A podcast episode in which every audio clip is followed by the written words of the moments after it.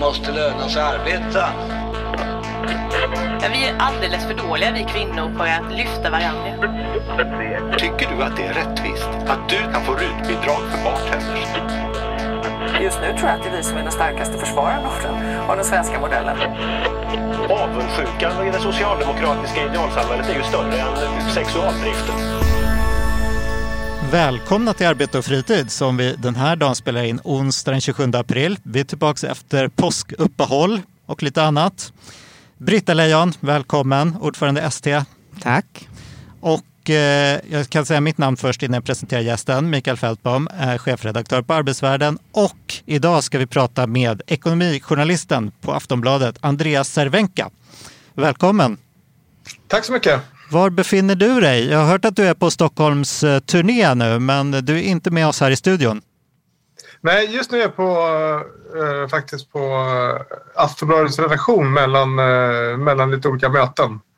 Jag ska iväg här precis efter det här så det har varit lite aktiviteter kring boken men det har varit jätteroligt. Ja, just det. Du är ju författare nu till den nya boken Girig Sverige. Och eh, jag har ju plöjt den här lite innan och det är en ganska mörk bild. Jag tänkte säga hur jag liksom uppfattade boken så får du berätta sen då om, ja. om vad, du, vad det är du har skrivit egentligen. Men eh, bilden som tonar fram är ju Sverige som någon sorts lågskatteland, nästan ett skatteparadis med liksom en rusande ekonomisk ojämlikhet som gjort oss till ett av världens mest ojämlika länder efter Bahamas, Ryssland och Bahrain ungefär där politiken liksom stöttar ett ekonomiskt system som genererar ojämlikhet och dessutom marknadiserar offentlig sektor som öppnar upp för korruption mellan politik och näringsliv. Eh, och där svenskarna i allmänhet har hakat på den här utvecklingen och är liksom som du säger i ett DN-citat eh, här i veckan i trans kring att tjäna pengar. Är det, är det här den nya bilden av Sverige? Håller du med eller vad är det för en bok som du har skrivit ja, egentligen? Eh, ja, nej, det, det stämmer eh, att eh, det är liksom en bild som träder fram i boken. Kanske inte riktigt så mörk och det är klart att jag fokuserar ganska mycket på förmögenhetsklyftor i, i Sverige. Därför jag tycker att det, det, har blivit nästan mer relevant att titta på det än, än på inkomstklyftor så som det har sett ut i Sverige. Och, men det som är liksom lite grann min, min tes och, det har varit intressant med reaktionerna på boken. Eh, jag har fått eh, oväntat många positiva reaktioner från eh, människor som är kanske mer på den politiska högerkanten. Eh, men också fått en del reaktioner som är ganska känslomässiga när man pratar om förmögenhet och till och med när jag hade den här titeln, när jag har den här titeln Gir i Sverige, att det blir ganska känslomässigt. Att så här, nu handlar det om att jaga miljardärer och häxjakt på framgångsrika människor och, och sådär. det, det är inte riktigt det boken handlar om, men däremot så handlar den om det system som har växt fram i Sverige där vi i praktiken har omfördelat väldigt mycket av våra tillgångar från, från vissa grupper till andra och gynnat eh, en del grupper på bekostnad av andra och det har, tror jag, ändrat lite grann fundamentet för vårt samhällsbygge, nämligen vad vi premierar och vad vi tycker är viktigt. Kan vi inte börja med, det är ändå roligt, du har ju en lista eh, i slutet av boken med ja. de rikaste svenskarna. Berätta lite, börja med det här med inkomstklyftorna. Man är ju lite nyfiken på vilka de här allra rikaste är och var de har sina pengar ifrån och, och ja, hur de har blivit så många så snabbt. Det är ju egentligen eh, tre orsaker som jag ser Den ena är att vi har haft, eh, nu är inflation väldigt mycket i ropet eh, som vi vet, men Riksbanken kommer med besked här om räntan, inflationen är 6% men vi har haft inflation i Sverige under lång tid. Det är bara att den har yttrat sig som inflation i tillgångar. Det vill säga priser på bostäder, fastigheter och aktier har gått upp. Och det har nog så stora samhällskonsekvenser som så kallad vanlig inflation men det är ingenting som Riksbanken tittar på och det har gjort att vi har haft den här låga räntan eh, som då har drivit upp eh, den här inflationen. Det andra jag skulle säga är då skattepolitiken. För parallellt med det här, eh, alltså den låga räntan har pågått i 15 år i, i princip. Eh, och under de senaste 25 åren har vi gjort som ni vet liksom de, alla de här skatteförändringarna där vi då har eh, tagit bort massa kapitalskatter, Eh, infört olika liksom, undantag och upplägg med 3.12-reglerna som gör det möjligt att få en ganska låg beskattning på kapital. Och I vissa fall väldigt låg som med ISK-konton. Och särskilt låg om man jämför med beskattning på arbete för den har ju sjunkit lite grann men inte alls lika mycket. Eh, så det har blivit eh, en sån snedfördelning där. Och det har ju spett på det här med tillgångsinflationen. Normalt sett en, en riksbank, en centralbank är ju oberoende och, och styrs inte av politiker men om den, dess politik leder till olika saker så kanske det politiska systemet ska liksom balansera det men istället har vi spett på den effekten. Och den tredje grejen jag skulle säga är just det här du nämnde med vi har släppt in marknaden och sålt ut väldigt många tillgångar över tid. Eh, alltså släppt in riskkapitalister i skolan, i vården eh, och då hamnar en stor del av offentlig sektor, eller eh, en betydande del i alla fall, som hamnar i en aktieägarlogik, som jag vill kalla det. I ett system där, där allting går ut på att maximera aktieägarvärde. Mm. Och det är inte nödvändigtvis samma sak som en bra kvalitet eller, eller liksom att vi får det vi vill ha för pengarna. Ja, det där var ju en jättebra sammanfattning av de teman du, ja, du tar upp i din bok. Det är de tre sakerna som har lett till de här. Och ja, vilka blir rika på det? Jo, det är förstås de som äger mycket, fast, eh, mycket börsaktier Eh, du har hela gänget med liksom Melker Schörling, Carl Benett, eh, Eh, Gustav Douglas. Eh, jag vet att eh, Fredrik Lundberg, han var ju då början på 90-talet när han flyttade hem från Schweiz då, dit han flydde av skatteskäl så var ju den tredje rikaste i Sverige med en förmögenhet på 3 miljarder. Nu då när jag mätte då i somras så har han 150 miljarder. Och 3 miljarder, då är det inte bland de 200 rikaste, 300 rikaste i Sverige. Eh, och det är många i fastighetsbranschen. Det har skapats enorma förmögenheter. Förstås många i techbranschen. Därför att är det några bolagsvärdering som har påverkats jättemycket av den låga räntan så är det framförallt IT-bolag. Plus självklart den teknologiska utvecklingen. Eh, och sen är det som företagare. Sverige är ett företagar, företagarland. Men det är väl de stora huvudgrupperna skulle jag säga. Ska vi kanske beta oss igenom de där tre områdena? För det är ganska mm. mycket de som boken handlar om. Jag tänkte först så, du skriver ju ganska mycket om liksom Riksbankens eh, beslut och hur de har påverkat eh, mm. ekonomin. Eh, just, ja, det skildrar ju ganska eh, kraftfullt hur liksom alla bailouts efter, eller det började med finanskrisen och sen har den här politiken fortsatt där man liksom har tillhandahållit väldigt förmånliga krediter. Eh, man har pepprat med, in med pengar. Du skriver att eh, eh, listan på företag vars lånekostnader Riksbanken hjälpt till att pressa ner genom att köpa obligationer, till exempel då, toppas av AB Volvo, Sveriges rikaste företag med en kassa på över 70 miljarder. Och sen finns det fler exempel då, Fredrik Lundberg och eh, Gustav Douglas som har gynnats av den här politiken. Eh, och man har ju även köpt företagsobligationer till och med från Riksbankens sida. Mm. Eh, du skriver ju att det är ungefär som att luftbomba Djursholm med kontanter under förväntningen att man vill hjälpa barnflickor, städare och hantverkare. Hur kommer det sig att eh, Riksbanken fortsätter hålla företag under armarna på det här sättet? Man, på ett sätt, jag lyssnade lite på Eh, pengar och politik som det inte heter nu, utan Skokonomics. Just det här lite lustiga i att Riksbanken är ju ändå en förlängning av staten. Eh, vad vi än, hur vi än har försökt att få det att se ut som att det är väldigt eh, oberoende och som att marknaden ska styra och Riksbanken ska vara helt opolitisk. Men det är ju politiska beslut som på något sätt håller marknaden under armarna på det här sättet. Hur, hur, hur blev det så här? Ja, precis. Och det, man kan säga att Riksbanken är, och även andra centralbanker har ju blivit de nya politikerna eh, i mångt och mycket. Och, men till exempel så har man ju då, det man har gjort är ju återigen att omfördela tillgångar mellan grupper och det är någonting som normalt sett ligger på politiker där man har liksom demokratisk eh, eh möjlighet att liksom utkräva ansvar och så och det har man ju inte av, av Riksbanken.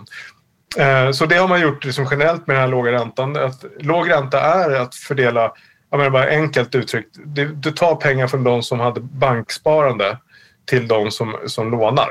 Om vi tar det enklaste exemplet. Det är en förmögenhetsöverföring. När den har gjorts i enorm skala eh, så blir det väldigt stora effekter från de som inte äger till de som äger och så vidare.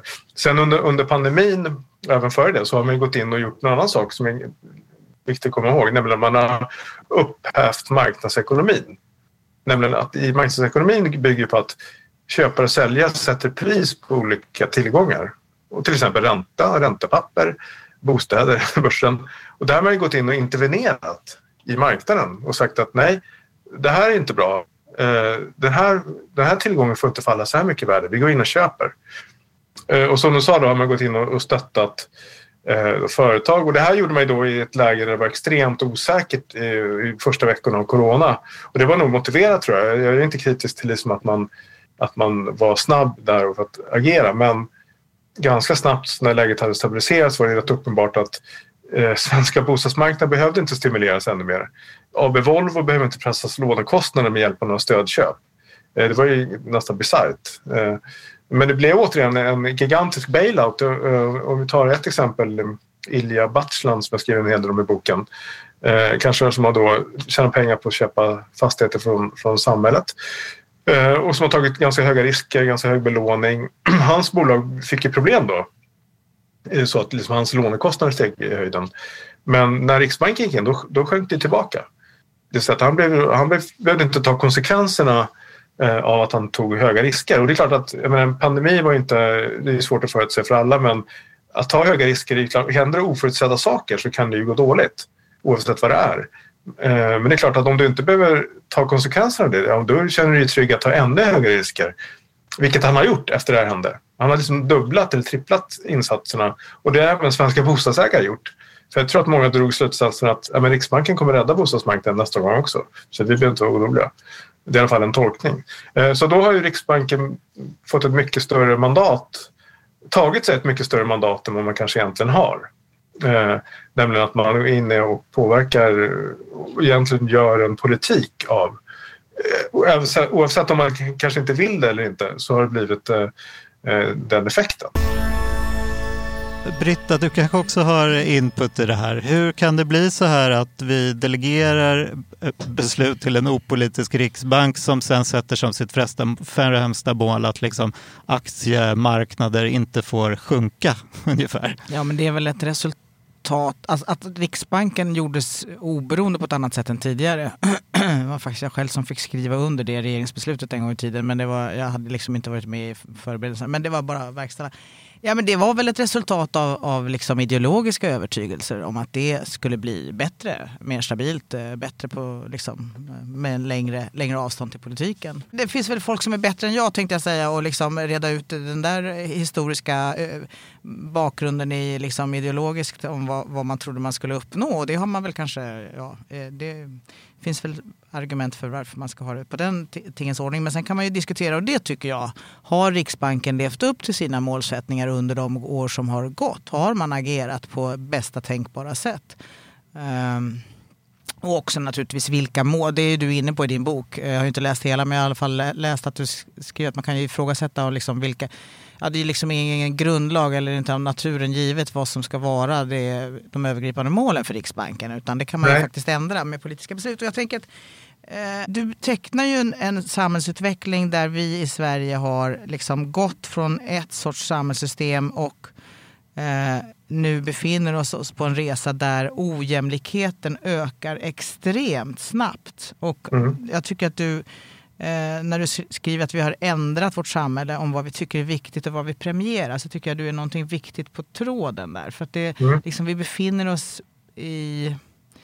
Ja, jag känner ju liksom inte... Jag, känner, jag är inte så gammal men jag känner faktiskt inte riktigt igen mig. Eh, och jag tror ju att vi är på väg att skada oss själva och vårt samhälle om vi inte funderar över vad det är för någonting som håller på att hända och vad vi behöver liksom styra om.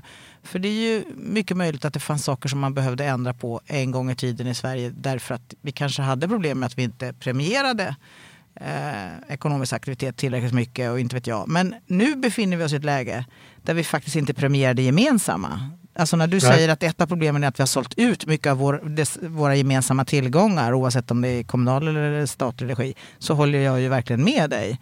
Det, är liksom, Mm. det finns många problem med det. Eh, inte minst eh, liksom, demokratiska och insynsmässiga och ansvarsutkrävande och sådär. Mm, Men, men det finns också ekonomiska problem med det. Och det du tycker jag beskriver, och även andra, jag menar Piketty och andra, beskriver om liksom, effekten av den extrema ojämlikheten.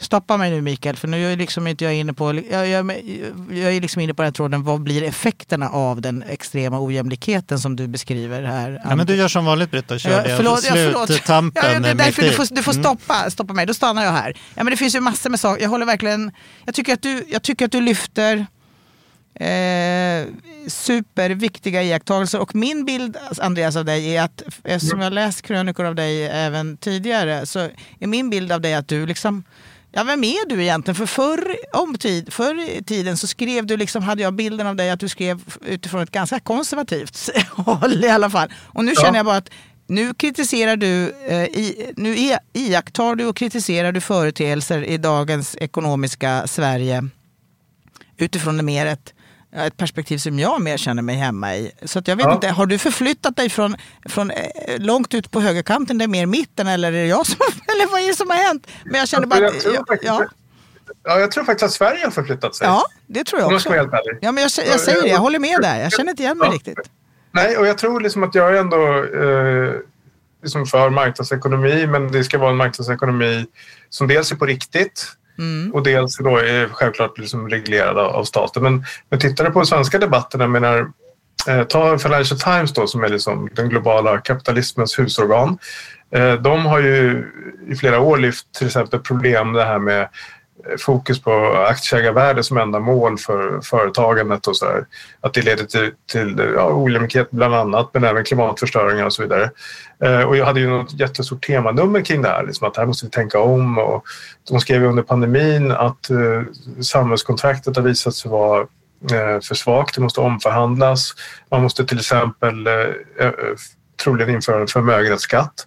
Det här är ju i en svensk kontext i det här vänsteråsikter Absolut, som precis. förs fram på Fast det Financial borde vara Times sunt förnuft bara. Men, mm. Ja, precis. Det var sunt förnuft. Och det, jag kan säga, det, är så, det som jag tycker är intressant att eh, eh, det som jag liksom, en del av det jag skrivit har verkar resonera eller landa ganska bra hos äldre personer som har varit med ett tag i finansmarknaden. Till exempel varit med i 90-talskrisen som jag skulle kalla Mm. för gammelkapitalister. Mm. Eh, och, och de, de är väldigt kritiska till det som ser, de ser nu därför att de tycker dels inte att det är riktig kapitalism eftersom det är mycket det här eh, att man eh, upphäver marknadsekonomin, räddar de som har tagit risker. Och, och sen är de kritiska med det här med tillgångsinflationen som de tycker då, eh, som destabiliserar hela Mm. systemet. Så, så jag är någon slags så fall gammal Gammal. eh, antikviterad, eh, antik liksom marknadsliberal på något sätt. Men, men jag kan säga så här, skulle det här fortsätta så här, då blir jag nog socialist. Tror jag. Eh. För- för liksom, eh, det är svårt att inte bli lite mer eh, radikaliserad när man ser det som händer. Och det, är, det är ju liksom någon, mycket som har hänt här, i skymundan. Och någon grej som jag blev väldigt förvånad över när jag gjorde research för den här boken. Jag hade ju talas om, om investerings sparkonto förstås, eller liksom läst Mm. och så här, men inte, jag har ingenting själv. Men när jag satte mig in mer detalj om, om hur det fungerar så blev det ganska tydligt att och det här kom ju upp i samband med den här debatten när Socialdemokraterna bara försiktigt antydde att man kanske borde skärpa reglerna för det där. Mm. Och då blev det en jätteramaskri och man pratade om Dagens Industri skrev att det var gang, rena gangsterfasonerna. Eh, det var kontraktsbrott och det var häxjakt. Men om man då tar ett exempel eh, på hur sådana här konto kan fungera så är det så att du kan faktiskt ha en miljard i ett investeringssparkonto. Jag vet inte om någon har det, men teoretiskt har det. Eh, Då kan du få kanske då, du tar in eh, 50 miljoner utdelningar från, från olika bolag, eh, aktier. Det är din inkomst som du spenderar på lyxresor och allt möjligt. På den inkomsten så betalade du förra året 7,5 procent i skatt. Du bor i ett hus eh, där du har en fastighetsskatt på 8 500, även om det är värt 300 miljoner. Mm. Eh, Du har människor som kommer och städar åt dig med RUT och ROT som skattar tre gånger så hög, mycket som du. Om de jobbar vitt. De kan också vara papperslösa. Och, med det, och det skulle jag vilja säga, det är ett kontraktsbrott. För det är ju då, då har vi frångått egentligen det här eh, som vi kom överens om hur vi ska finansiera välfärdsstaten. Mm. Så, så det är klart att om en. Om en städare betalar tre gånger så hög skatt som någon som lever på aktieutdelningar, ja vad är, vad är incitamentet då att vara städare? Precis. Eller att utbilda sig eller någonting? Får jag bara liksom, eh, som facklig så har ju jag varit eh, väldigt stolt över att vi i svensk fackföreningsrörelse under så lång tid, det gäller ju dock inte i år, men under så lång tid, nästan 20 års tid, har klarat av att åstadkomma reallöneutvecklingar för de Mm. som Mm. arbetar i Sverige. Till skillnad från väldigt många andra länder runt om, Ja, också i precis. västvärlden. Ja, Och ja. det beror ju på en massa olika saker, men bland annat på den höga organisationsgraden och sådär. Men eh, så jag tycker att vi har facket som en motkraft mot ojämlikhet. Vi har, Mm. liksom, vi har, gjort, vad, vi har gjort och levererat vad vi ska. Men vi kommer ju inte åt den här, det du belyser som är liksom den extrema ojämlikheten som ökar på grund av eh, kapital och Mm. att man äger. Eh, det kommer ju inte vi åt. Det krävs ju mycket mer av politiskt beslutsfattande. Sen, Mm. kan ju vi, sen kan man vara med all rätt vara lite kritisk mot oss i facket för att vi inte har varit hårdare och krävt liksom, Mm. åtgärder där. Absolut, det, det tycker jag vi har all anledning att vara lite självkritiska. Men, eh, men eh, det är ändå så att där sitter inte vi liksom på knapparna och spakarna. Så att Nej, jag tycker att du beskriver verkligen, ja vi, vi har jobbat för, vi har jobbat för liksom att hålla uppe reallönerna och det har vi lyf, hy, lyckats med fram till i år. Eh, men tåget har liksom, vi har hållit på med vårt och under tiden har liksom expresståget dragit förbi på sidan av på någon vänster. Men det du, precis. ja, precis. Det du beskri- det, den intryck man får när man läser boken det är ju att alla som eh, tjänar sina pengar på inko- löneinkomster, vi är ju enorma förlorare. Alltså vi, har ju, vi är ju Och då har ändå akterseglade. våra reallöner ökat. Och så sitter facket och säger, ja men det här är, reallönerna har ju ökat, det eh, har alla är vinnare och sen så är Ja, vi förlorare. Men, men jag tycker det är, det är väldigt viktigt ändå. Alltså för jag har ju ändå, tyck, jag har ändå med stolthet liksom ändå kunnat säga, och det beror inte bara på oss i facket, men det beror delvis på oss i facket, att vi är många som, många som är medlemmar helt enkelt. Att vi klarar av att, att ta betalt för den arbetade tiden. Men eh, och det är klart att det är viktigt. Jag, alltså, det, det, jag säger inte det. Vi är en av få motkrafter mot den här ökade ojämlikheten. Men det du beskriver och som Piketty beskriver och som så många andra beskriver och som det franska valet handlade om och som Brexit handlade om och som kommande val också i Sverige kommer handla om, om inte liksom politiken skärper sig, det är ju att väldigt många människor känner att de, de blir förlorare på samhällsutvecklingen och tappar liksom tilltron till sin egen och sina barns framtid. En livsfarlig utveckling, en krutdurk om den fortsätter. Vad säger du Andreas, är man förlorare? Du skriver någonstans att eh, Sverige är eh, ett av de sämsta länderna att eh, bli rik eller att göra en karriär i lönearbete. Precis, och det var ju faktiskt Daniel Waldenström som forskar mycket på det här. Han, han sa ju det att det här är troligen det svåraste landet i världen att bli rik på arbete. Och jag tror du är inne på något väldigt viktigt där. Just därför att det är viktigt att lyfta fram att vi har haft bra reallöneökningar vilket gjort att det kunde varit mycket värre. Medelklassen har inte på det sättet halkat efter på samma sätt som en del andra länder, framförallt eh, USA. Men det tror jag har tappat, eh, flyttat fokus eh, från lite grann andra frågor. Men det som är intressant när man tar upp de här frågorna är att mycket av argumenten eh, i den här debatten, då fiskar man upp argument som är liksom har 40-50 år på nacken, nämligen att Kamprad flyttade ut på 70-talet eller Astrid Lindgrens Pomperipossa-skatt och sådana exempel. Eh, det är inte riktigt så det är. Det är, det är ingen miljardär som flyttar från Sverige idag på grund av skatten. Däremot är det miljardärer som flyttar till Sverige. Eh, men Björn Wahlroos flyttade från Finland till Sverige. Eh, Han, är, han har dubbelt medborgarskap. Han är skriven i Sverige och då slipper han förmögenhetsskatt, arvsskatt och gåvoskatt eh, på sina miljarder. Så, att, eh, så, så- så det är ingen miljardär som gör det. Men jag tycker det är viktigt, eh, apropå hur vi finansierar samhället, just att vad är det som premieras? Jo, vad är det vi egentligen tar in pengar på i, i välfärdsstaten? Om man tar den senaste budgeten nu, då kan man se att staten tar in 1300 miljarder eh, plus minus eh, på skatter på arbete, direkt och indirekt. Men när det är kapitalskatter från hushållen är bara 100 miljarder drygt. Och då har vi haft ett, eh, 12 års börsuppgång. Det är, lite det är ganska lite, så vi är väldigt beroende av att människor ska jobba i lönearbete. Men vi premierar egentligen att man ska eh, bilda bolag eh, och ha olika skatteupplägg och 3:12-regler och så vidare. Det där blir ju problem. Det- Jag skulle snarare säga att det det är ett risk för att skattebasen försvinner i form av att färre inte vill jobba. Mm. Och, och, och nu i Stockholm så det är inga människor med pengar i Stockholm som, som premierar att ta ut en hög lön. Alltså de här, det låter liksom lite konstigt men, men de här eh, direktörerna som har då i våra, med våra ögon väldigt hög lön, 10-20 miljoner om året. De är någon slags relativa förlorare för att de bor ju grannar med någon riskkapitalist som får liksom eh, har flera miljarder i aktier och vinstdelning via kanalbolag på flera hundra miljoner. Det är de, eller de äger fastigheter och tjänar miljarder. Så att det här har ju, har ju liksom, det blir ett relativt spel där, där de på den absoluta toppen jämför sig med dem i liksom stratosfären och sen så går det där ner ända ner till, till att eh, liksom, tror jag, förortskillar eh, går runt i Gucci-väskor och, och, och drömmer om att liksom, skaffa pengar. Och är man eh, förortskille så kanske det ligger nära till hands att man begår brott istället för att liksom, satsa på utbildning.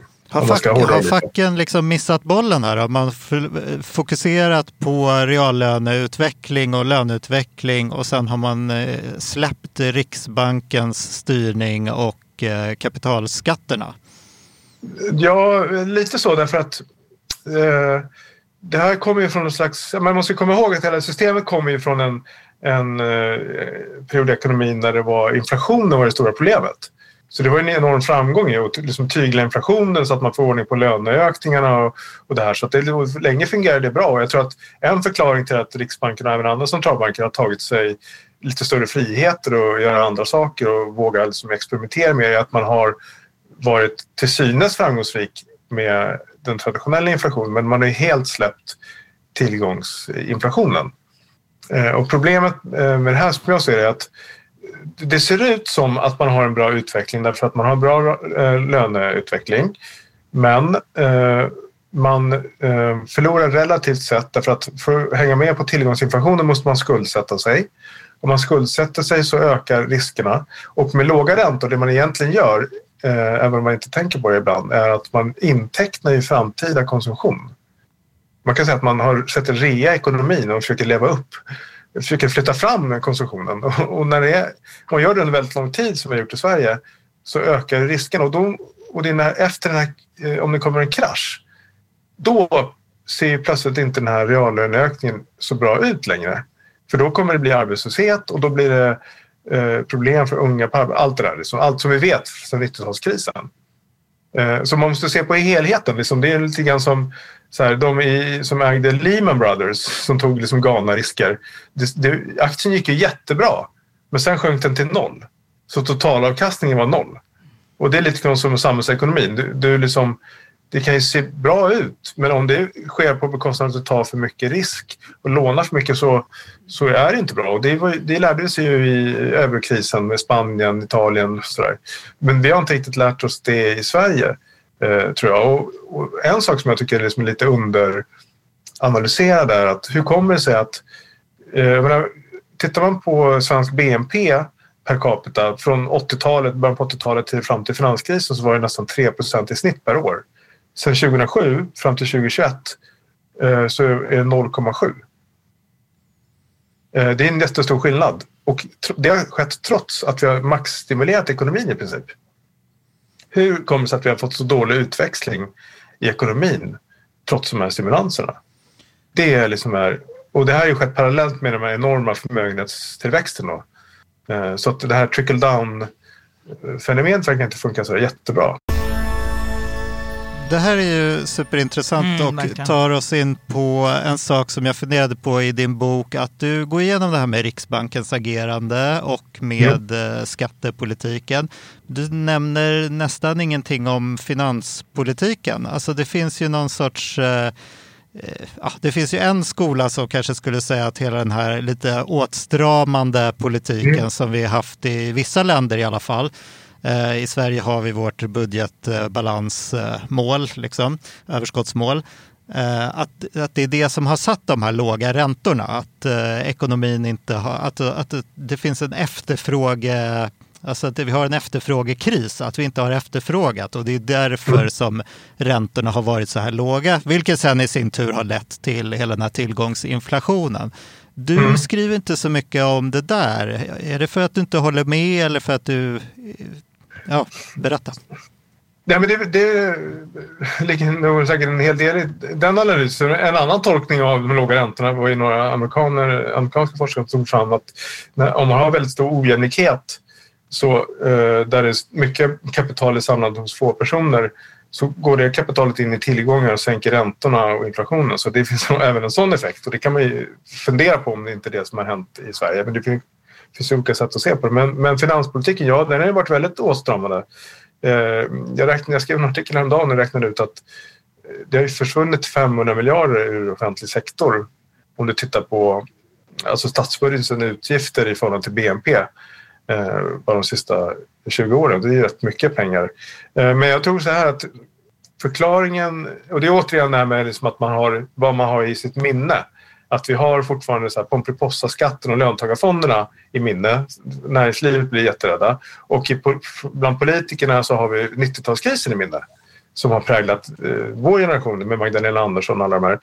Och då är det jätteviktigt att ha låg statsskuld. Men tyvärr är det så att man har ju då missat hela den här perioden av låga räntor. Oavsett vad det beror på, de låga räntorna, så har man missat den perioden att ta tillvara det genom att investera i Sverige. Alltså hur kommer det sig att man inte har, eh, när räntan var noll eller minus, gjort ett massivt, eh, massivt liksom, satsningar på vad som helst? Vi kan, ju, vi kan ju sitta här i timmar och komma på saker vi kan ha satsat pengar på och låst in till en väldigt låg ränta. Det har ju liksom, många ekonomer med en slags högerstämpel har ju till och med sagt det. Det är ju ett problem och sen har vi missat massa andra chanser som att fasa ut ränteavdraget och så. Eh, Men, men, eh, men problemet är ju att eftersom vi har så hög privat skuldsättning så måste vi ha en allt större säkerhetsmarginal på statsskulden. Nämligen när, för när krisen kommer, och tror jag liksom, det här är kommunicerande kärl. Om då statsskulden är för låg så blir, så blir då eh, privata skuldsättning för hög. Det är en del av det resonemanget jag hade. Eh, men det går åt andra hållet, att om det blir kris så rinner ju de privata skulderna över oftast i det offentliga. Plus att vi har en stor banksektor som vi eventuellt måste vara beredda att rädda eh, om det kniper. Eh, Så då kan vi inte ha så hög statsskuld. Men med det sagt så har vi ju haft en under, underbudspolitik när vi automatiskt har liksom sparat helt pengar hela tiden och inte alls... Och det vet inte jag, men jag, menar, jag tycker det är, det är väldigt anekdotiskt. Ja, jag vill Mm. bara lägga till, alltså jag gav Ja. precis Mikael en rapport vi har producerat här bara för någon vecka sedan eller två från mitt förbund som heter Urholkad stat. Och som Ja, visar det. ju hur, hur vi nu i snart 30 års tid har haft ett generellt eh, effektiviserings och besparingstryck på myndigheterna. Eh, Ja. Som ju eh, nu har lett till liksom en situation där, där liksom ja, i, I praktiken, det som låter som eh, reformer där man lägger ner mer resurser på oavsett om vi pratar om universitet eller om vi pratar om eh, vad för myndigheter vi pratar om. Liksom, så, så är, tar man ju med, ger man med ena handen och tar tillbaka med andra handen så i praktiken är det ju besparingar eh, som gör Ja. att de som jobbar i de här verksamheterna då förväntas eh, springa fortare, jobba snabbare, lyssna mindre, stötta mindre. Oavsett om det är studenter eller arbetsförmedlare eller vem det nu är de ska liksom finnas till för. Så blir tid, tiden är ju den varan man får liksom minska då för mötet med Ja. studenten eller mötet med, Precis. med den arbetslösa. Ja. Eh, och hur, hur, att vi liksom har kommit till vägs ände. Vi har hållit på med det här systemet i 30 år snart. Eh, Ja. Och, och eh, Ja, i början, det, alltså, vi kan liksom inte ha det här generella besparingstrycket på, på myndigheterna. Liksom, Man måste faktiskt, självklart ska vi vara sparsamma med skattemedel, men man måste också ha råd att investera. Man måste ha Ja, råd precis. att och liksom utveckla verksamheter och det, det finns liksom inte de förutsättningarna längre. Nej, nej, Och de och det, är inte, det är inte att spend- det är inte att spendera liksom. Ja, nej, men exakt. Nej, Ja. Men det där är ju eh, jätteintressant och jag menar, apropå universiteten så då hyr de lokaler av akademiska hus som har ett avkastningskrav på sig Ja, som gör att hyrorna höjs. Det är också bara en jättemärklig omfördelning av varför ska, de, eh, varför ska de bygga upp så mycket kapital så att de gör en extrautdelning till statskassan? Det är väl inte det primära med, med staten att vi ska få... Alltså det, det, sådana effekter är ju konstiga. Men, men det är ju också märkligt, och det här blir väldigt anekdotiskt, men som jag åkt senaste tid och åren reflekterat mycket över det. Liksom att man, nu bor jag i, i Skåne, man är i Köpenhamn. Så hur kommer det sig att Köpenhamn har en så otroligt bra tågförbindelse och så modern tunnelbana? Och så att Kastrup är så mycket fräschare flygplats. Så hur kommer det sig att man åker till Polen så är det nya motorvägar och man åker till Spanien och hur kommer det sig att man kommer till Sverige, det rika Sverige, så kom, landar man på en halvskabbig flygplats, åker på en ganska dålig motorväg. Det är trafikkaos, det är en gammal tunnelbana, det är ett SJ-tåg som är kvar från 90-talet. Eh, vi har en, en eh, vård som eh, har fått mer och mer pengar men på något sätt så försvinner pengarna som det uppstår problem, så mycket problem så att en barnmorska säger upp sig. Allt det här, det är någonting där som jag inte riktigt vet vad det beror på. Men, men det är någonting att vi har, liksom verkar ha... Eh, vi har liksom eh, fått lite dålig utväxling på vår eh, rikedom helt enkelt. Du är inne på det här med offentlig sektor och beskriver liksom dels eh, både statliga bolag som att mm. de har tappat sitt liksom allmänintresse och bara fungerar som vinstdrivande mm. Eh, aktiebolag i allmänhet. Liksom, ja, Vattenfall och Nord, Postnord och så vidare. Och även Samhall är du inne på att de, liksom, det som skulle vara ett mm. samhällsintresse att ta hand om de som hade svårt på arbetsmarknaden. Nu handlar det om att och prisa in sig och vinna uppdrag mer. Eh, men du är även inne på det som du kanske kom in på nu, att Region Stockholm fungerar, verkar nästan fungera som ett vinstdrivande aktiebolag. Ja, precis. Eh, där, men läser man liksom redovisningen så lyfter um... Irene Svenonius. Ja, men precis. Irene Svenonius. Eh, lyfter fram då i sitt liksom, eh, liksom ordförandeord som jag skulle kalla för vd-ord att, att de minsann har gått med eh, vinst, eh, överskott sen, varje år sedan 2007. Och, och det är lite märkligt, när man bläddrar med årsredovisningarna så har ju påfallande ofta de inte nått sina vårdmål. De nådde det absolut inte under pandemin, det var ju en katastrof rött överallt, men de nådde inte heller under året innan.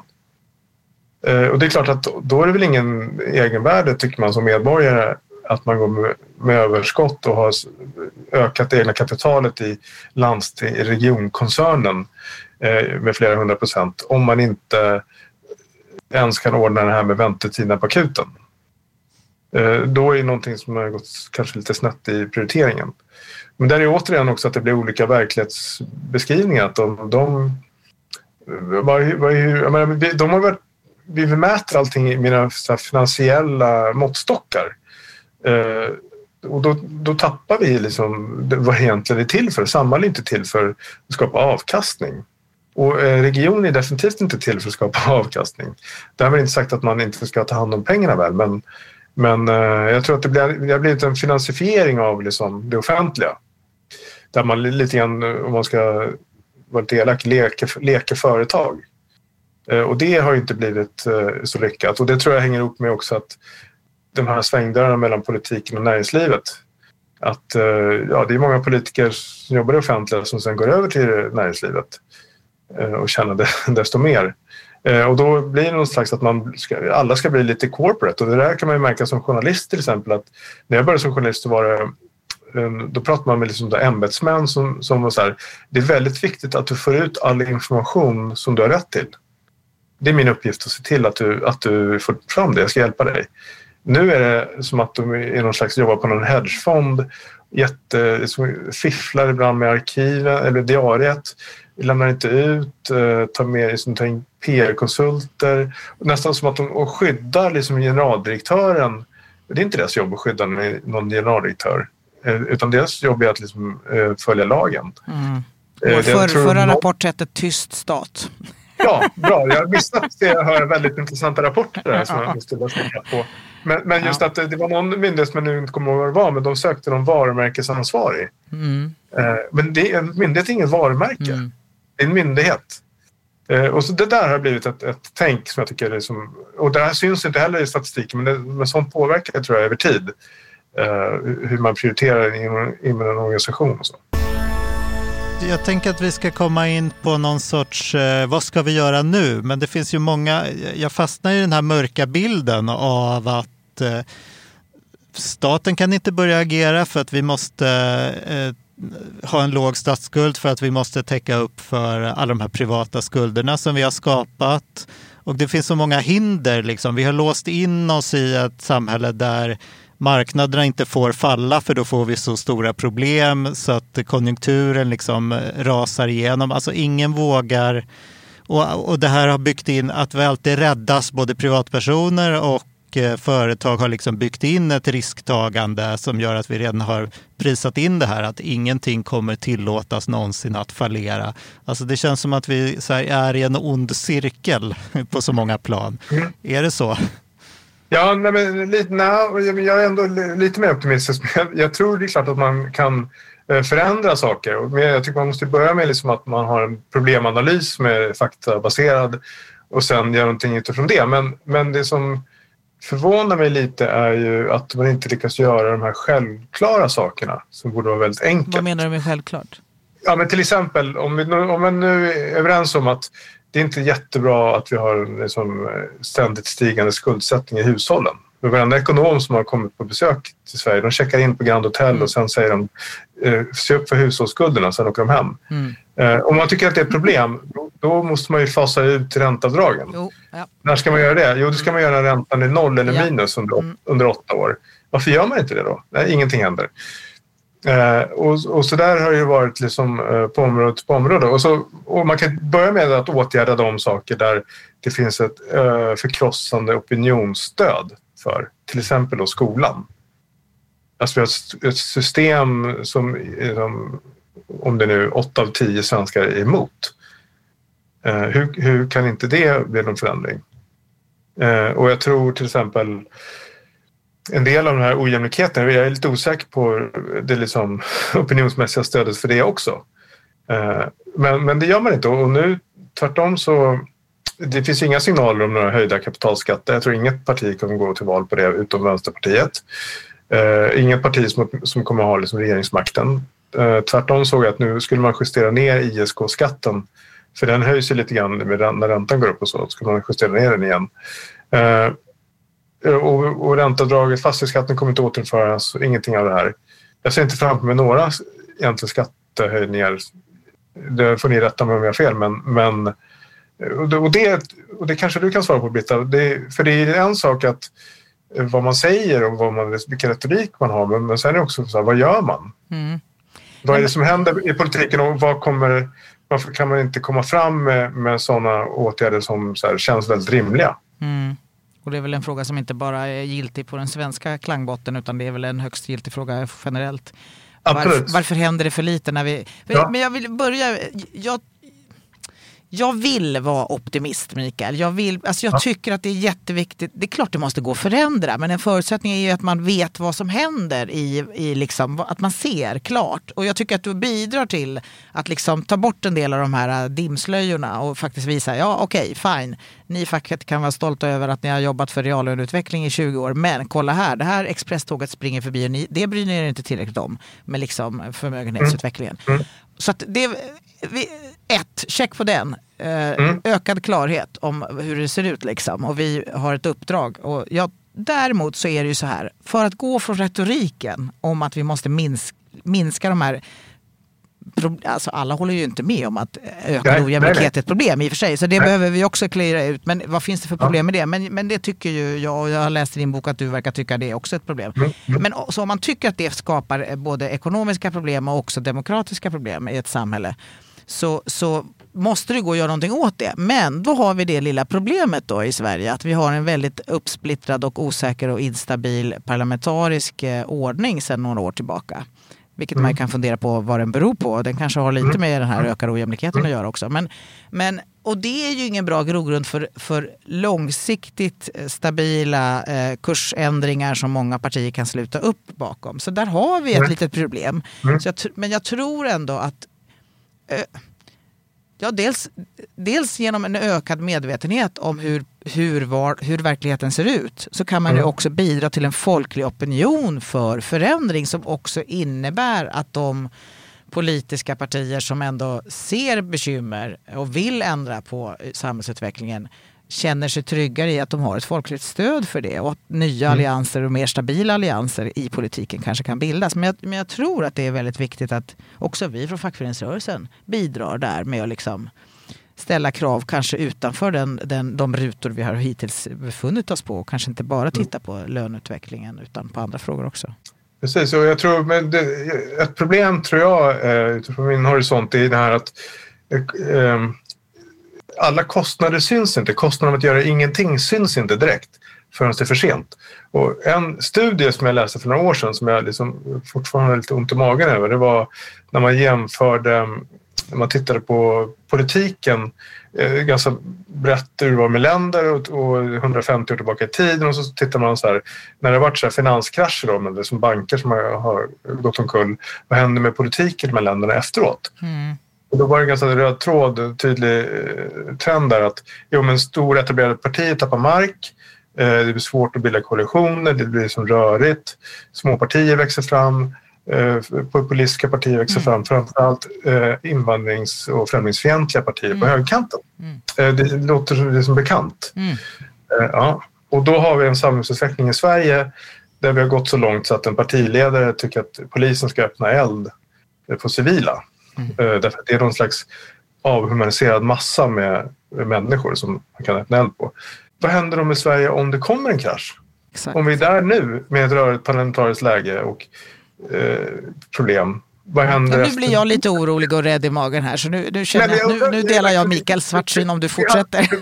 Ja, men så här är det ju att eh, eh, Steve Bannon då som var eh, Donald Trumps hjärna i, i valkampanjen och såg till att han blev vald mer eller mindre har ju sagt att utan finanskrisen ingen Donald Trump.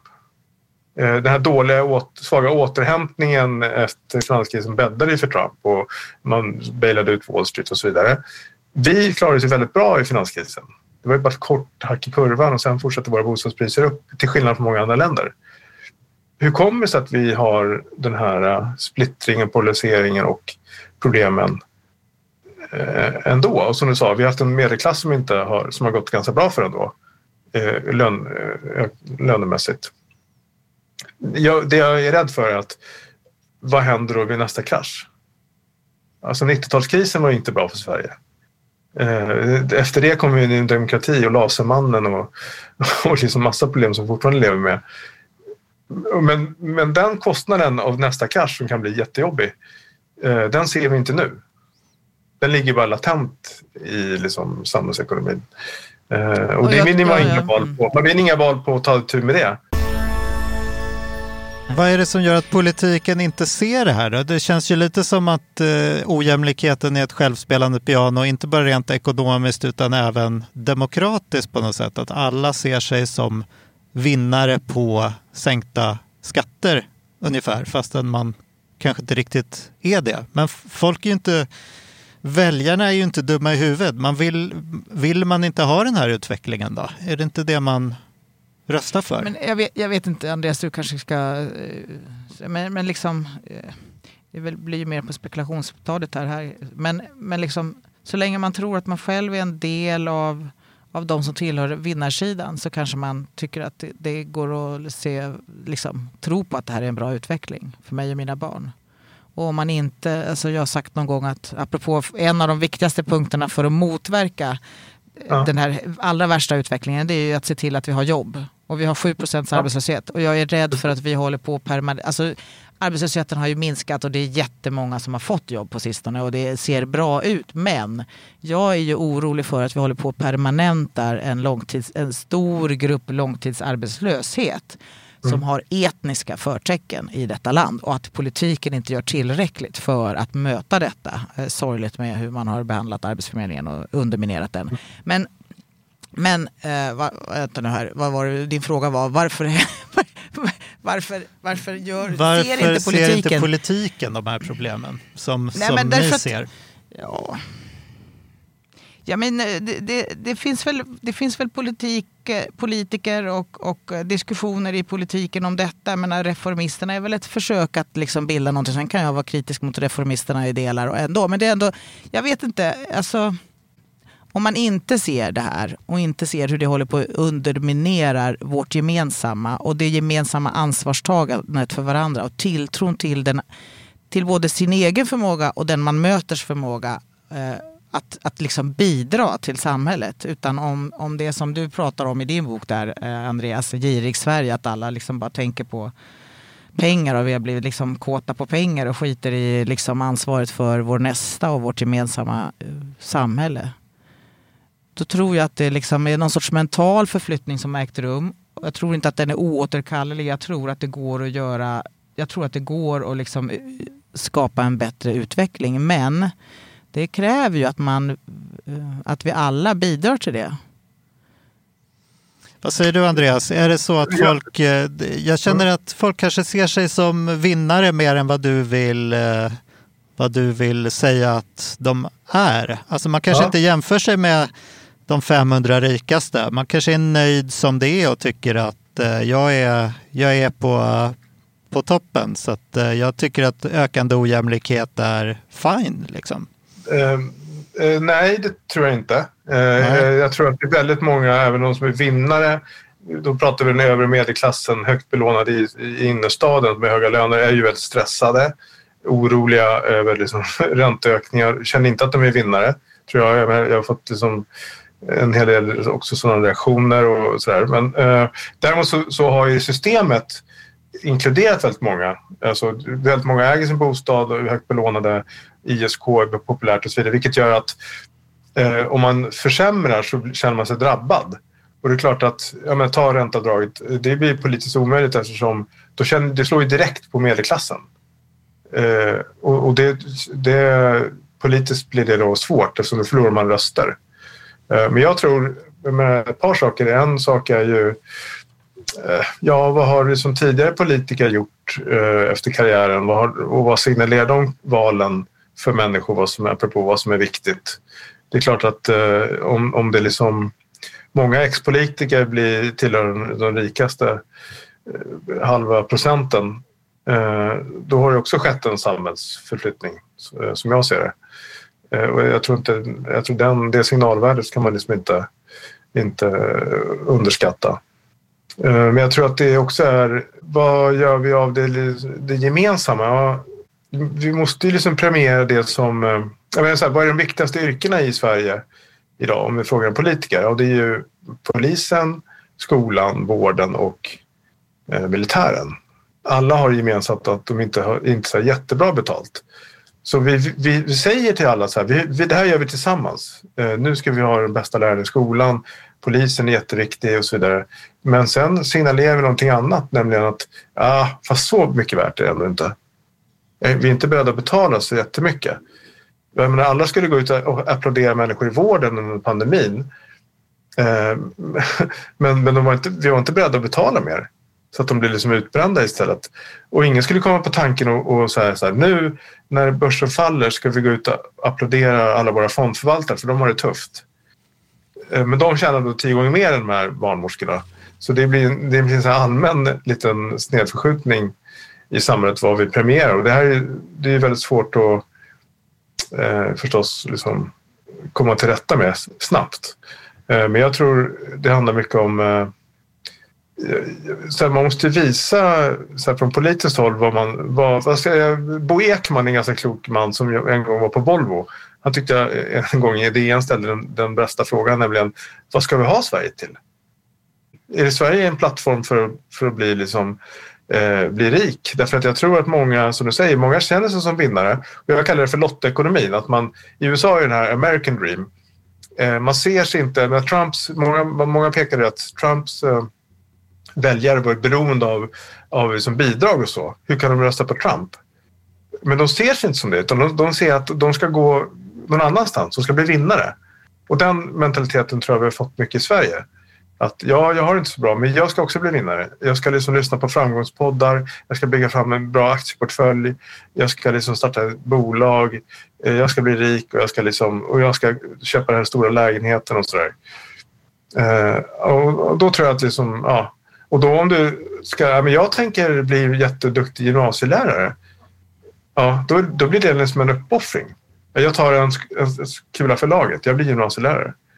Ja, det var ju jätteintressant. När Fridolin avgick så blev han lärare igen och då blev det rubriker. Så det underförstått var det var konstigt att han inte cashar in. Och det är väl inget konstigt. Han var lärare, sen var han partiledare, sen blev han lärare. Det är väl jättebra. Men det sågs som liksom väldigt apart. Eh, och det tyckte jag liksom, aha okej. Okay. Men, men sådana saker tror jag spelar roll. Jag tycker vi fick svar både lite på vad vi kan göra framåt och vad hindren är för att eh, komma igång. Är det någon som vill tillägga något? Nej, jag, jag, skulle möjligtvis, i slutet av din bok, som ju då är den enda delen av din bok jag hunnit läsa ja. än, ja, ja. Så, så skissar du lite så här, vad behöver man göra då? Liksom? Ja, och du är inne på det där med beskattningsfrågor av, av liksom fastigheter och förmögenheter och sådär. um, och det tycker jag är saker vi behöver diskutera i Sverige och ändra på. Eh, åtminstone några av dem där. Vi liksom ja. kan ju inte över hela fältet ha liksom nollskatter. Så. Men, eh, men ett, ett område för, för, som, jag, som jag tror kommer ha betydelse för om vi liksom ska kunna göra rätt framöver det är också att vi faktiskt lyckas bättre. Och det här kräver ju beslutsfattande över, inte bara i Sverige utan i Europa åtminstone. Liksom det är hur vi ska eh, tygla teknikutvecklingens nya stora giganter och liksom ha eh, mm. både, både liksom lagstiftning kring integritetsfrågor och annat men, men, men också skatte, skattemässigt. Mm. Alltså, för om, om, om snart det bara är robotar som gör allt, nu överdriver jag ju väldigt mycket som ni hör, men i alla fall, ni förstår, så måste vi också fundera på hur beskattar vi den typen av verksamhet framöver. Annars Absolut. eroderar vi vårt, liksom, förutsättningarna för välfärdssamhället om vi inte klarar ja. av det. Det har vi inte pratat så mycket om nu i och för sig, det här med eh, företagens eh, skatteparadisen och så vidare. Att eh, ja. det verkar knappt finnas några företag som betalar företagsskatt i Sverige längre. Det är ju lite grann ett val att göra det, men, men det var intressant så apropå mentaliteten förskjuts att eh, ett nytt bolag som då beskrivs som så framgångsföretag som heter Evolution Gaming som när jag skrev boken var värt 300 miljarder eh, kronor som då säljer liksom kasinotjänster. I sig är liksom, jag tycker det är så här, samhällsekonomiskt tveksam verksamhet. Betalar i princip ingen företagsskatt alls i Sverige och ingen skatt överhuvudtaget. Jag tror de skattar några få procent för att baserade på Malta. Men då, då vet jag att när det här förslaget kom då med den här minimibolagsskatten så hade Dagens Industri rubriken är som att de hotas av skattechock. Nyheten borde ju vara att ett av Sveriges största börsbolag inte betalar någon skatt. Eh, men det här var ju då, så det visar lite grann att förväntansbilden eh, liksom har blivit förändrats. Mm. Det är klart att om man inte betalar någon skatt så blir det jättejobbigt att betala skatt. Mm. Men eh, hur är din bild, du har ju ändå koll på företagsvärlden. Alltså jag vet när jag, det blev något rabalder kring Oatly att mm. de uppköptes upp, eller det var någon eh, Blackstone eh, som ansågs oetiska, eh, köpte in sig i Oatly. Och då började jag kolla på alternativ till Oatly och då, då så fastnade jag för de här Sproud som var någon sorts mm. Gud, det uh, låter inget gott. Det är, faktiskt, är, det, jag, är det gott? Jag kan, jag, jag kan göra, göra, göra reklam för själva innehållet. Det var ja, helt okay. fine. Ja, Men bra. jag såg på baksidan att företaget är baserat i, om det var Luxemburg Aha. eller något annat. Ja. Och då tänkte jag, hjälp. Det här lilla ärtmjölksföretaget från Skåne är mm. baserat i Luxemburg. Mm. Finns det mm. överhuvudtaget några svenska mm. företag kvar som eh, betala företagsskatt i Sverige? Jo, det jo, finns ju en del. Alltså, de stora företagen, Volvo och Ericsson, de, betalar, de är ändå ganska stora betalar nog sin skatt. Alltså vanliga hedliga företagare är noga med att betala skatt faktiskt. Men eh, de gör det också därför att det, de har tillgång till väldigt billig och extremt kvalificerad arbetskraft i Sverige. Eh, men en svensk ingenjör kostar en tredjedel av en ingenjör i Silicon Valley till exempel. Så det är ingen slump att man har kvar men det är ju någonting som vi alla vinner på. Så det, jo, men företags, det betalar man, men det är klart att eh, är man lite mer avancerad som riskkapitalbolagen och så, då, då kan man ju undvika svensk skatt ganska lätt. Om man är lite mer intresserad av pengar än av om man är Volvo eller, eller Ericsson. Mm. Lite mindre intresserad av att se sin egen del i helheten och ansvaret lite, för lite Sverige. Så, precis. Mm. Lite så. Mm. Ja, men bra hörni. Super, super kul att prata med dig. Ja, ja jättestort. Tack Andreas ja. ja, tack att du var med. Då ska väl jag säga tack och gör för idag. Eh, om man tycker att det här börjar bli en ekonomipodd. jag, blev så, jag gick igång på det här naturligtvis. Eh, men då får man helt enkelt höra av sig och säga vad man vill ha mer av istället. Eh, och eh, vi ska väl också, jag ska också tacka dig Britta för utmärkt paneldeltagande som vanligt. Och jag ska säga att det är Henrik Andersson Fågel som klipper podden. Och med det så är vi väl tillbaka om sådär två veckor. Häng med då. Hej hej!